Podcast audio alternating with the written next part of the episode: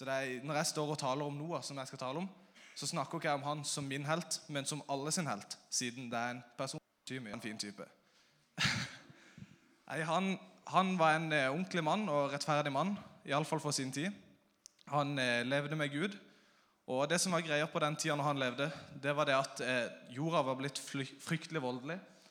Alle menneskene, nesten alle, ikke noe, hadde snudd eh, ryggen til Gud. Og Gud begynte å angre på at han hadde skapt alle mennesker og dyr. Så han bestemte seg for at han skulle utslette alt og begynne på nytt. Men han så at Noah han, han fulgte Gud, og han gikk etter Guds vilje. Så bestemte han seg for å kalle på Noah og be han eh, være der. Siden han var den som var på jorda, som fulgte han, så skulle han få oppdraget om å ta menneskeheten videre. Så på den tida var Noah ca. 600 år gammel. Han hadde tre sønner. Det var Sem, Ham, Jafet, tre svigerdøtre og én kone.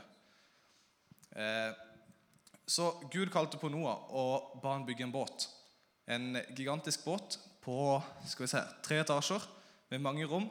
183 meter lang, 30 meter brei og 19 meter høy. Altså en gedigen båt. Han fikk beskjed av Gud om å ta med seg to av hver dyreart. En, en hund av hver urene dyreart. Skulle han ta med seg syv par av hver rene dyreart. Så det blir en del dyr. I tillegg til det så skulle han ta med seg noe av alt spiselig om bord på båten. Så eh, Da Noah var fylt 600 år, så kom sånn? Ja. Så kom denne flommen. Og Denne flommen den varte i 40 dager og 40 netter. Eh, og Den utsletta absolutt alt som Gud hadde lagd, med unntak av det som var i arken sammen med Noah. Det var ekstremt mye vann. Det steg hele ti meter over de høyeste fjellene på jorda. Eh, vannet lå i 150 dager etter det hadde slutta å regne. Men Gud han tenkte på Noah og alle som lå i arken, og han hadde ikke glemt det. Så han lot en vind blåse over jorda, og vannet begynte å synke. Og den syvende dagen i den syvende måneden etter dette så ble arken stående igjen på et fjell som heter Araratfjellene. Og vannet fortsatte etter dette å synke helt til den tiende måneden. 40 dager etter dette igjen så åpna Noah ei luke på båten, slapp ut en ravn som fløy fram og tilbake fram til vannet hadde sunket. Samtidig som dette slapp han ut ei due. Dua den kom tilbake ikke lenge etterpå, for han hadde ikke fått noen plass å hvile foten. Så da vendte han tilbake til arken. Da lukka Noah luka og venta i syv dager. Så gjorde han det samme. Slapp ut du av båten. Og Seinere på den kvelden så kom dua tilbake og med et ferskt oljeblad. Da skjønte Noah at nå var vann trukket tilbake, og det begynte å komme bakke fram igjen. Etter dette venta Noah i syv dager til. Så slapp han ut dua på nytt. Enda seinere den kvelden så kom han tilbake med mye, mye mer. Da skjønte Noah at det var blitt enda mindre vann på jorda. Så til slutt så kalte Gud på Noah og ba han, familien og alle dyrene gå ut av arken. Så når Noah var kommet ut og vannet var forsvunnet fra jorda, så lagde Noah alter, et alter for Gud. Der tok han noen av de rene dyrene og brant de som offer for Gud. Og Da tenkte Herren, eller Gud, i sitt hjerte at han aldri mer skulle forbanne jorda for noe mennesket hadde gjort. Så fortsatte Noah å leve som familien, og det ble mange dyr, og sånn, og så døde Noah som 950 år gammel. Han ble gammel mann. Så Grunnen til at jeg valgte å snakke om akkurat Noah, det er fordi han er en ekstremt stilig mann som tør å gå for noe Gud har sagt. Tenker, Hvis du får beskjed om å bygge en båt langt inn i gokk, sånn vekk fra vann, og skal du bygge en gedigen båt Det hadde ikke jeg gjort. i hvert fall. Så tenker jeg, Tenk på alle de blikkene han hadde fått når han står der på et, sikkert et jorde jeg vet ikke, langt inn i gokk og bygger den båten. Og tenk hvor mange ganger han tvilte på om det egentlig var noe mening i dette, om det egentlig kom til å hjelpe, men fortsatt allikevel gjøre det. Så jeg tenker En setning vi kan lære noe av det er å stole på Gud og det han forteller deg. Noe absolutt Noah gjorde. For Gud han kan fortelle helt syke ting, sånn som dette å bygge en båt. Han kan fortelle hva som helst og kan legge hva som helst på hjertet ditt. Men oftest, iallfall i min, i min hverdag, så legger ikke Gud sånne syke ting på meg hjertet. Jeg har aldri fått beskjed om å bygge noe båt, ikke noe fly heller. Takk for det. Men eh, det kan være småting. Sånn små ting. Gå betale for den som står før deg i kassa. Kanskje han ikke har nok penger. Det kan være småting som Gud legger ned på hjertet ditt. Og Ofte kan det være vanskelig å vite om dette er fra Gud. Men da er det, du kan liksom bare tenke det opp mot Bibelen. Og hvis ikke du har lest det i Bibelen, som de fleste ikke har gjort, ikke heller, så kan du egentlig tenke om hvis det er en god gjerning, så er det sannsynligvis fra Gud. Og hvis det er en dårlig gjerning, så kan du være ganske sikker på at ikke det er fra Gud. Og om det skulle være en god gjerning, og det skulle vise seg at det ikke var fra Gud, så er det en god gjerning, så da er det bare verdt å gjøre det uansett, tenker jeg. Eh, så jeg tenker, når du tror Gud legger ned noe på hjertet ditt, så gi han en sjanse, for Gud vet hva som er best for deg og alle andre. Så prøv å tørre å gå for det han sier. Vær så god. Karl.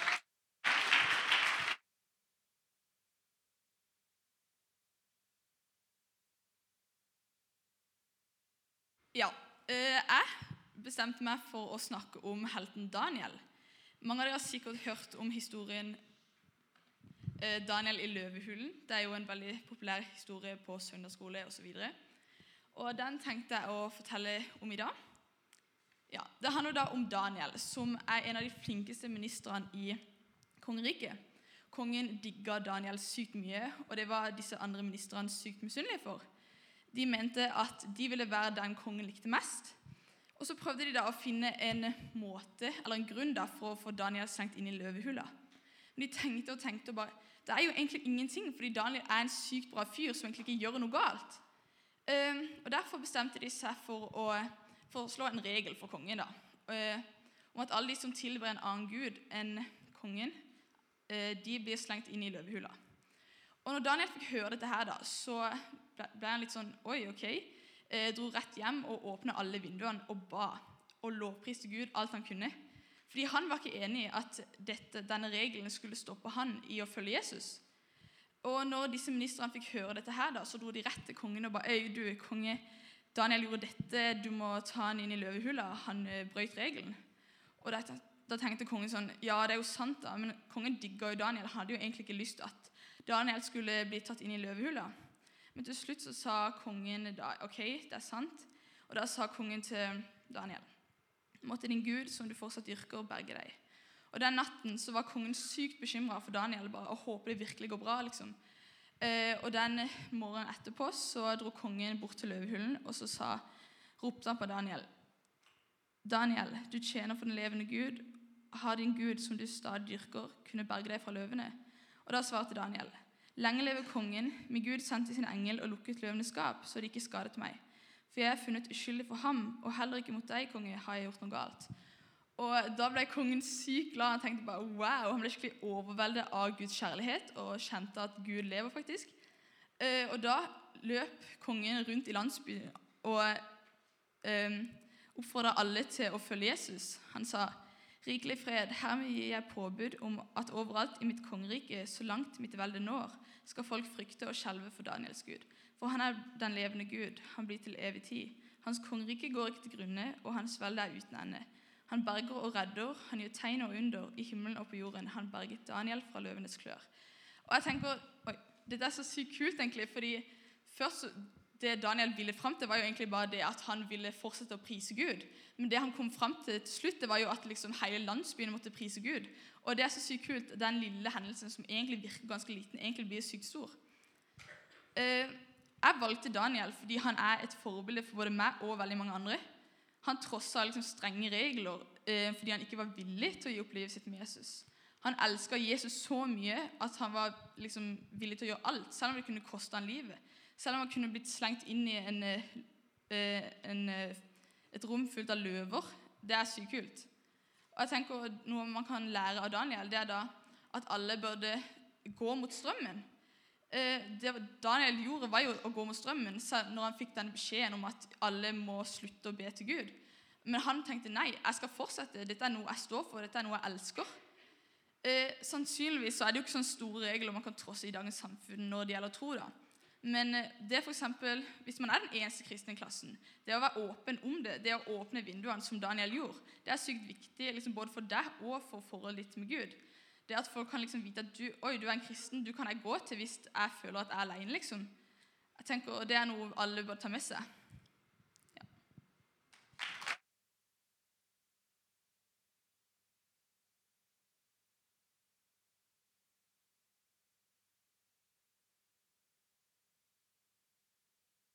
Jeg skal snakke om Philip. Han er nok ikke like kjent som de to andre, men når vi skulle velge hvem vi skulle snakke om, så både Endre og Celine de var med i gang, så visste de akkurat hvem de ville ha. Vi lagde ei stor liste, og jeg visste ikke hvem jeg skulle velge. Og til slutt så sa bare André ok, greit, men du tar Philip. Og så visste jeg egentlig ikke så mye om Philip, men han er egentlig en ganske kul fyr. Um, han var en apostel. Altså Han gikk rundt og fortalte om Jesus etter at uh, Jesus hadde reist opp igjen til himmelen. Uh, og på denne tida, etter at Jesus hadde reist opp igjen, så ble det en stor forfølgelse blant de kristne. Og det var veldig mange av de som måtte flykte. Og Philip han dro da til Samaria. Og selv om det var stor forfølgelse i landet, så fortsatte han allikevel å snakke om Jesus. og Han eh, drev ut mange onde ånder, og han helbreda mange som var lamme. Og han var til en stor glede i byen. Og Det var veldig mange som var fascinert over Philip og det han snakka om. Så han frelste og døpte mange i løpet av den tida han var i Samaria. Men en dag så kom eh, Guds engel framfor Philip og sa at han skulle ta veien om Jerusalem til Gaza. Og eh, det var en veldig øde strekning. Og på veien så fikk han se ei vogn, og i den vogna så eh, var det en etiopisk hoffmann. Og eh, han vokta altså skattkammeret til den etiopiske dronninga.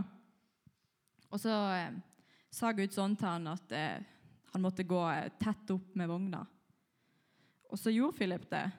Og når han nærma seg vogna, så hørte han at hoffmannen han leste i profeten Jesaja i Bibelen. Og så spurte han hoffmannen om han forsto det som sto der. Og så sa han nei, hvordan skal jeg forstå det når ikke det er noen som forteller meg hva det står?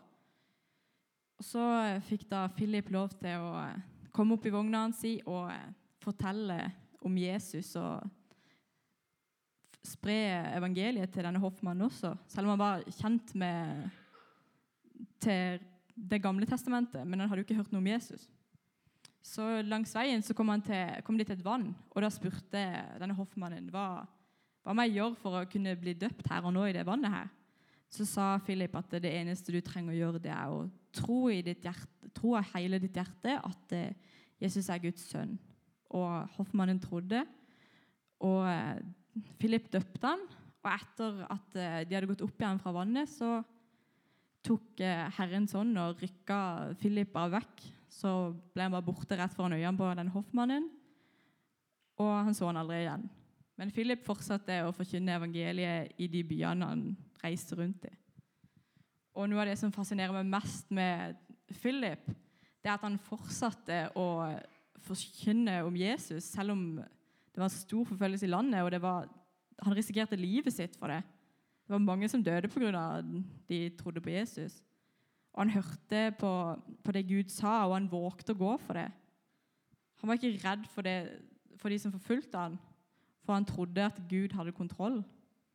Og det, det hadde han jo, og det har han.